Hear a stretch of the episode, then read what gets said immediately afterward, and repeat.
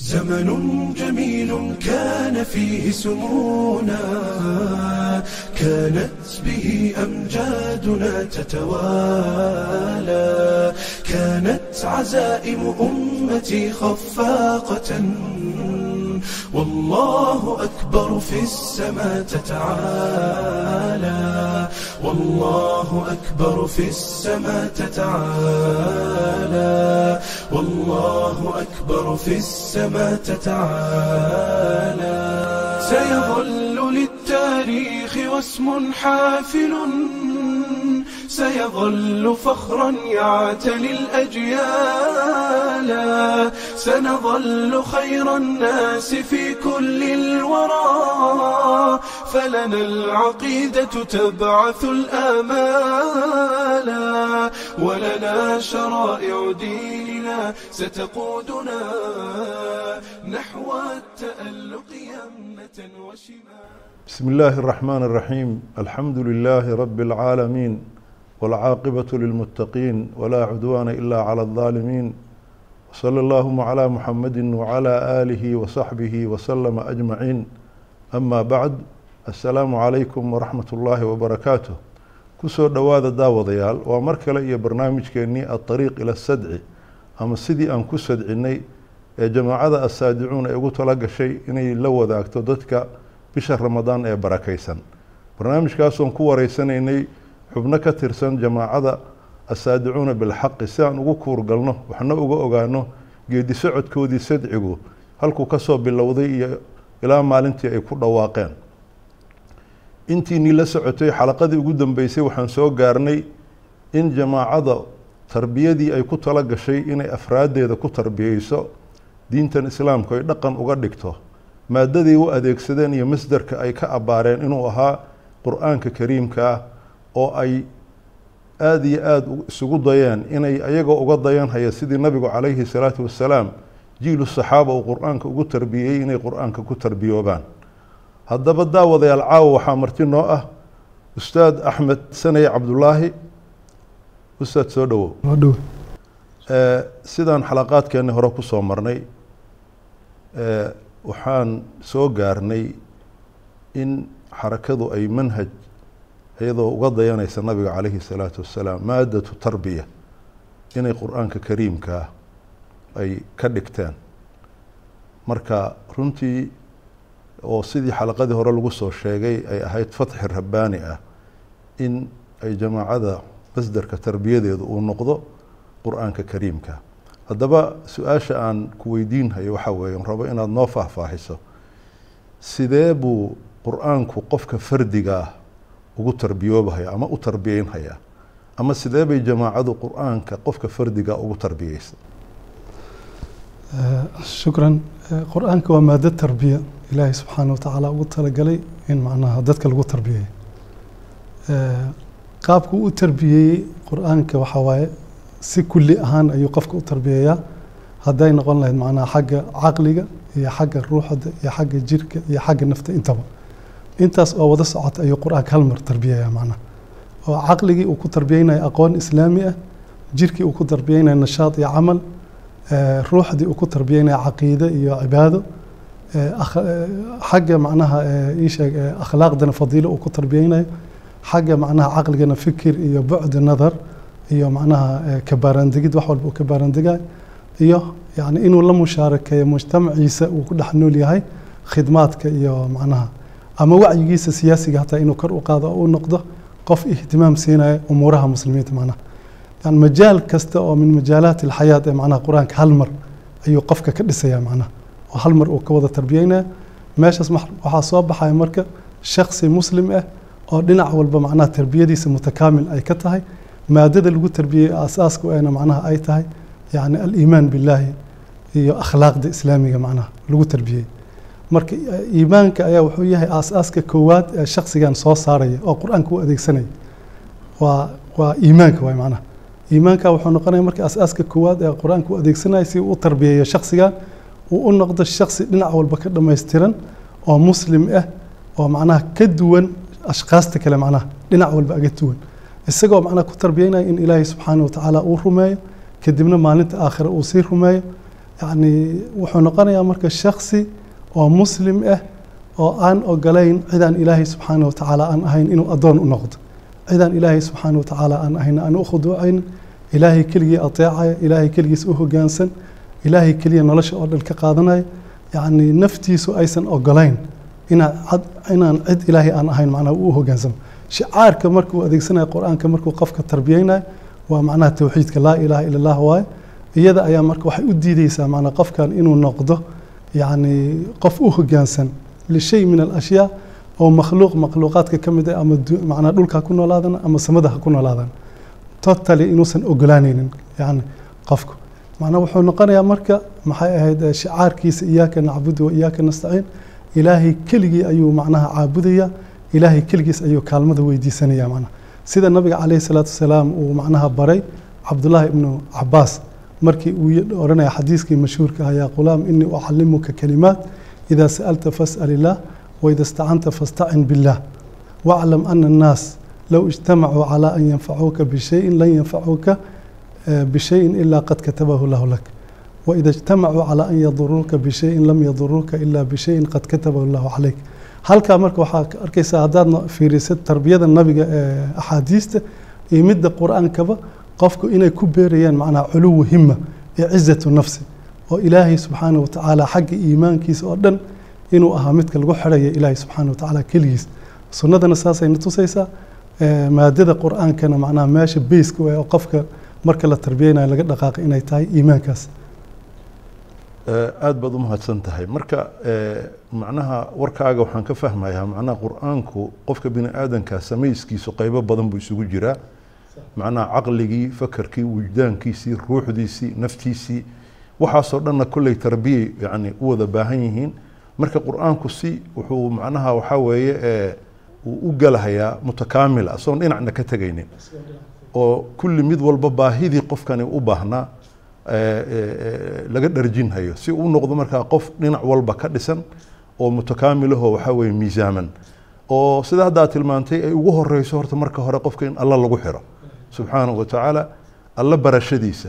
Qur'aanka in badan baan ku arkaynaa allah subxaanahu wa tacaala sifaadkiisa iyo asmaadiisa inuu qur'aanka lagu soo celcelinhayo hadday noqon lahayd cilmigiisa hadday noqon lahayd ogaalkiisa hadday noqon lahayd riqaabadiisa hadday noqon lahayd qahrigiisa hadday noqon lahayd naxariistiisa.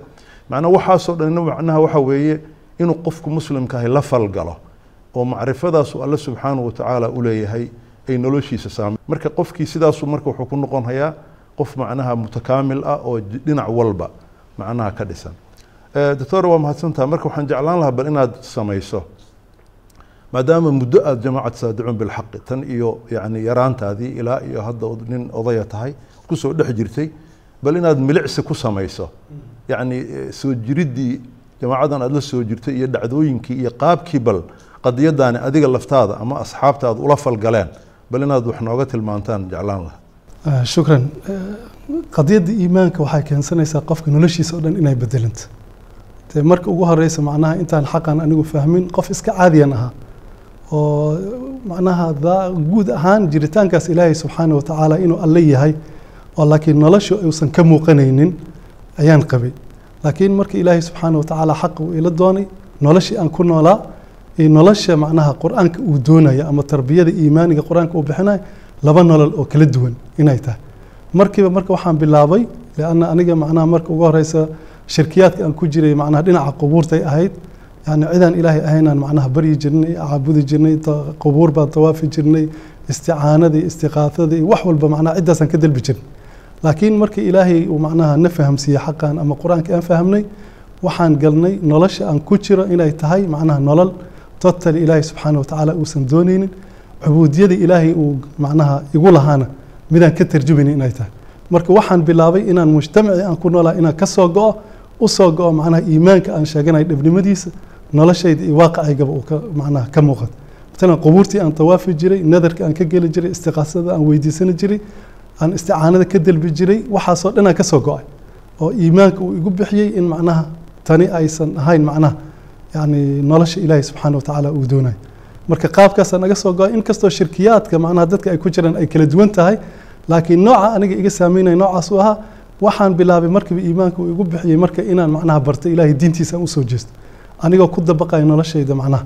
Yani masaafo marka aniga meesha aan deganaa iyo meesha aan ka baranayo masaafa udhexaysay habeenka marka dadka ay saxdaan oo kale ayaa laga yaabaa inaan baxo raqbada iyo istijaabada igu jirta iyo xaqan siduu agtayda aga muuqdo. Yani socdaan geli jiray qof hal meel kale joogo aday tuulo saddex kilomitr oo kale noo jirta ayaa qof walaal joogay iga aqoon badnaa. Intaan u aada ayaan macnaha diinta ka soo barani jiray totally marka waxay noqotay meeshii marka hore cibaadaadkayga hadda aan ku sameyni jiray qubuurta inaan ka go-o markaas masaajid aan totally qabri aan lahayn inaan u go-o halkaas ilaahay subxaana watacaala aan ku caabudo marka. Marka laba nololoodoo kala duwan. Nolol marka waxaa iisoo muuqatay waxaan aan sheeganaya in noloshayda ay ka muuqatay macnaha maasha allah maasha allah. Runtii waxaan xusuustaa waagii aan dugsi qur'aanka dhigan jirnay. Macnaha qadiyadan ah qur'aanku inuu tarbiyo maada tarbiya yahay masale aada u culus way runtii waxaan xusuustaa annagoo caruuraan sheekaysanayna markaas waxaan leenahay ilaan qur'aankaana la xifdisiinhaya wax allo wuxuu yahayna ma naqaan. Marka waxaan isu sheegi jirnay qur'aankan alla keliya yaqaana cid kale oo bini aadana oo wax ka taqaanaa maba jirtaba. Macnaha shay mubham ah. Waxba aan laga garanayn laakiin alfaadiisa la xifdinhayo. Waxaa kaloon xusuustaa dee waktigii intaanan ilaahay hanuunkanna siinin. Macnaha waxaa weeye noloshaada dhaqankaaga yowmiga ah ayaa qur'aanku wax kaa farahaya ama waxbuu kaa reebahayaa ama waxbaaba lagaa rabaa inaad iltisaamaad aada yeelato. De maba aanan ku fakeri jirin. Waxaa weeye waxaan isaga haysta un keliya mar haddaan salaadaa tukanhayo de bishana aan soomahayo inay de adduunku isugu kay toosan yahin iskaba dhaaf midaan ku saabsan yacni alle subxaanahu watacaala akhasi khasaa'is aluluhiya inay tahay inaan u hogaansanaado waxaa weeye muxuu ahaa nidaamka nolosha ugu talagalay oo aan ahayn keliya qadiyadda xukumkii wax la kala saaree ah qadiyadda xalaashii xaaraamta maxaa saxa maxaa qalada maxaa toosan maxaa qalloocan maxaa xun maxaa fiican oo markaa qofkii noloshiisii boqolkiiba boqol ay noqoto nolol macnaha waxaa weeye ka tarjumi karta wixii ilaahay subxaana watacaala uu qur'aankiisa. Marka waxaan xustaa waagii hadda markii aan masaajidii intaan bilownay jamaacadu gacanta nagu dhigtay tarbiyadiina la tarbiyeynhayay ficlan waxaan xusuustaa macnaha aayadaha qur'aanka ee mu'miniinta sifaynhaya marka aan soo marnoo kale macnaha qofku wuxuu isku dayahayaa oo waktigiisa dhan isugu geynhayaa tilmaanta aayaddu ay bixinaysa sida u noqon lahaa. Xadiis nabiga calayhi salaatu wasalaam baa ku soo marhay oo tilmaamaya qofka muslimkaa ee ilaahay jecel yahay nooca laga rabo. Waxaa weye ma seexanaysid ilaa aad qadiyaddaa aada istiraaho maarata yani waxbaad kaaga baxay. Marka laa shaka waxaa weeye waa waa waa isbeddel aada iyo aad yani runtii qofkii soo maray ama dhadhansaday macnaha ka muuqan karta ولنا شرائع ديننا ستقودنا نحو التألق يمنة وشمالا نحو التألق يمنة وشمالا aad baad u mahadsantaa ustaad waxaan kaloon raba marka bal inaad tilmaan aad ka bixiso ama sida jamaacaduba ay u arkayso manhajkan qur'aanka ku tarbiyoobidda qur'aanka waa qadiyad aan dad badani ku baraarugsanayn xataa xarakaad badan oo islaamiya kumay baraarugsana taasi waxay keentay marka inay yani dadka ay hayaan ama dadka xataa ay waxu sheegahayaan inay manaahij kale ku tarbiyeeyaan marka farqiga u dhexeeya labada manhaj bal wax nooga tilmaan iyo sida uu saameyn ugu leeyahay mid waliba macnaha qofka noloshiisa shukran manhajka qur'aanka waa manhaj rabbaani wey ilaahay subxaana watacaala aan soo dejiyey yani kownkan oo dhanna macnaha waxaa loo abuurayba ilaahay xaqnimadiisa allahaas marka kownkan dhan rabbiga ka eh allaha ka eh ayaa ilaahay subxaana watacaala wuxuu rabaa basharka ku nool oo dhan inay isaga yani addoon u noqdaan inta ay nool yihiinna macnaha ay ka muuqato yani nidaamka noloshooda oo dhan uu yahay midka hagaya qur'aanka maadadan qur'aanka ay maamulaysa macnaha markaasaa qur'aanka marka wuxuu soo saaraa shaksi muslim ah oo dhinac walba ka dhisan. Xagga rumaynta ilaahay subxaana watacaala ka dhisan xagga la noolaashaha aakhire ka dhisan. Lianna waxaa muhiimaddu ay tahay mawaadda uu qur'aanka isticmaala markuu wax tarbiyanaya daraf ka mid ah hadda soo sheegnay oo iimaanka ah darafka labaad waa macnaha aliimaan bilyowmi alaakhir waay macnaha oo qofka lagu tarbiyeynayo oo inta badan ama sunnada iyo nusuusta qur'aanka mar walba isku xirayso aliimaan billahi waaliimaan bilyowmi alaakhir aan la kala qaadaynin. Laba qadiyadood oo isku xiran ay tahay. Marka qur'aanka maadada labaad u adeegsado waa tarbiyada oo aliimaan bilyowm alaakhir oo qofku lagu beerayo noloshan hadda uu nool yahay inay nolol kale ka dambeyso in macnaha eh, geeridu inaysan ahayn meesha nolosha ay ku dhammaanayso in nolosha macnaha sida maadiyiinta ay u dhigayaan oo kale inaysan ahayn qofka inuu iska noolaanayo kadibna dhulkan uu macnaha lagu aasayo kadibna uu iska baaba'ayo sidii qur'aanka uuna baray banamuutu wanaxya wamaa yuhlikuna ila daar. Laakiin qur'aanka uu ku tarbiyeynayo in bacthi jiro xisaab jirto jazaa jiro mukaafa'a ay jirto la isa soo saaraya kadibna qofka wixii uu galabsaday intii dunida uu ku noolaa cimrigiisa ilaahay subxaana wa tacaala uu ka abaalmarinayo naf weliba waxay galabsatay marka faman yacmal midqaala daratin khayran yara waman yacmal midqaala daratin sharan yara. Marka caqiidadaas iyada ah oo iimaaniga ah ayaa qofka qur'aanka uu ku tarbiyeynaya macnaha ama manaahijta kale haddaad u timaadid yani manhaj mutakaamil ma ah manhaj naaqis waaye manhaj bashari waaye yani uma dhigma mana soo gaari karaya manaa manhajkan qur'aanka iyo wasaaisha u adeegsada oo tarbiyada u adeegsada manaa ma soo gaari karaya waxaa dhici karaysa macnaha qofkan fikradda keliya inuu xoog saaro oo xagga fikirka keliya inuu xoog saaro ama iltizaam bilmadhar oo kale yani isagoo islaam sheeganaya madaahirta kale oo oogada keliya qofka inuu iska qurxiyo ama macnaha ama maxay ahayd ama hay'adda oo kale. Iyadoo oo ay jirto maca qilati tarbiya aliimaaniya macnaha.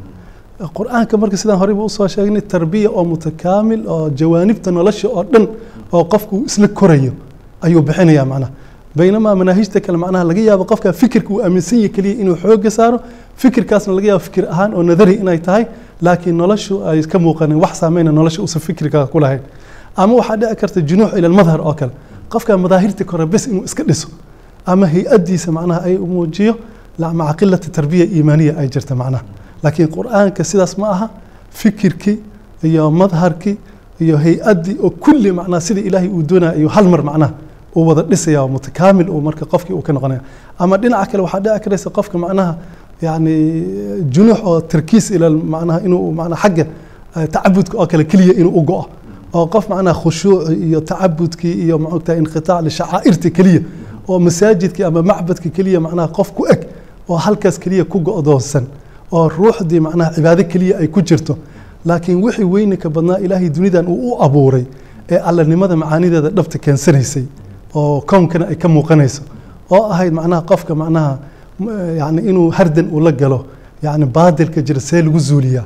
Sidee ilaahay macnaha kelimadiisa keliya ay u noqotaa kelimada koonkan ka fulayso? Yani litakuna kalimata hiya alculya wa kelimatu macnaha aladiina kafaruu sufla ay u noqoto. Qofka noocaas dhanba kuma jirto. Muqaaraca bilbaatil kuma jirto.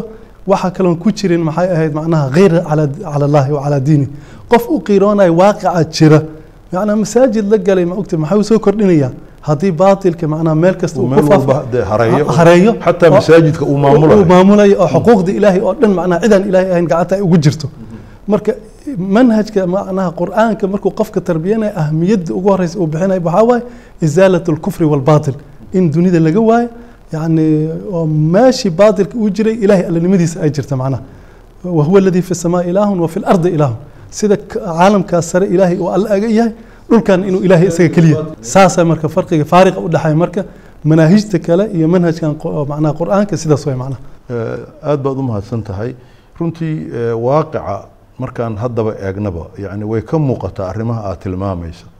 Qof waxaad arkaysaa macnaha waxaa weeye dhinaca caqiidada maalan nadariyan caqiidada asmaa ullahi waxaa weeye sifaatka ilaahi subxaanahu wa tacaala wahaakada yani baxar buxuur ku ah oo markuu sharxahayo yani aada la yaabi. Laakiin markaa dhaqankiisa fiirisid macnaha wax haba yaraatee ay qadiyadaasu uu dadka uu wax u sheegayo uu kaga duwan yahay ma jirto markay mucaamalaad ay noqoto markay noqoto dee waa uun k- iyo waxaad arkaysaa qolo fikraddii guud islaamka islaamka ha halgamo islaamka ha la soo celiyo laakiin ayagu markii la yidhaaho dhaqankoodii yani islaamkii inay ku noolaadaan oo ay noqdaan ayagu dadkii mateli lahaa. Aad arkaysa waxay matalaan baynana jirine. Ummadda ay leeyihiin islaamkan idinku soo celinaynaa bayba ku dhaqan yihiin waxba kamay duwanaba. Ma garata. Marka laa shaka yani waa waa faariq aad u muuqan kara tarbiyada qur'aanka laga qaatay mutakaamilka. Ee maalan hadda markaad fiiriso suuratu lmu'minuun aayadaha ku jira. Suuratu lfurqaan aayadaha ku jira. Suuratu muxuu ahaa isra aayadaha ku jira. Ee macnaha waxaa weeye tilmaamahaya macnaha sida qofka mu'minka dhinac walba ilaahay subxaanahu watacaala uu ka doonayo inuu noqdo. Yacni meesha ugu yar ilaa iyo meesha macnaha waxaa weye ugu sarraysa. Waxaana laga fahmaya xadiiskii nabiga calayhi salaatu wasalaam aliimaanu bidcu wa sabcuun ama bidcu wa situuna shucba laa ilaaha ila allah wa adnaaha imaadat ladaa cani ariiq yacni labadaa marka fiiri kelimatu tawxiid iyo dariiqa oo laga qaado macnaha waxaa weeye dhibka iyo wasaqda macnaha iimaan u dhexeeya macnaha saasaad ka fahmaysaa macnaha marka iimaanka laa shak aad baad u mahadsantaha daawadayaal waxaan ka fahmaynaa halkaa macnaha jamaacatu saadicuun bilxaqi ilaahay subxaanahu watacaala inuu waafajiyey inay iyagoo kaga dayanhaya siiradii nabiga calayhi salaatu wasalaam iyo dariiqadii ay saxaabadu ku tarbiyoobeen inay afraadooda ku tarbiyeeyaan sida qur'aanku doonayo inuu qofka muslimka ahay ee fardiga ahay inuu ku soo baxo xagga aqoontiisa alle ku xirnaantiisa alle wacyigiisa iyo fahamka noloshan guud iyo waxaa weeye ufuq sare oo aan ahayn indha ku garaadle aan ahayne qof la noolaan kara caalimulgheyb oo ay u horeyso maalinta qiyaamada oo ay noloshiisa inay hagto ayaaan ka fahmaynaa in ilaahay jamaacada waafajiyey. Daawadayaal intaan xalaqatan oo kalea ku kulmayno waxaan leeyahay assalaamu calaykum waraxmat ullaahi wabarakaatu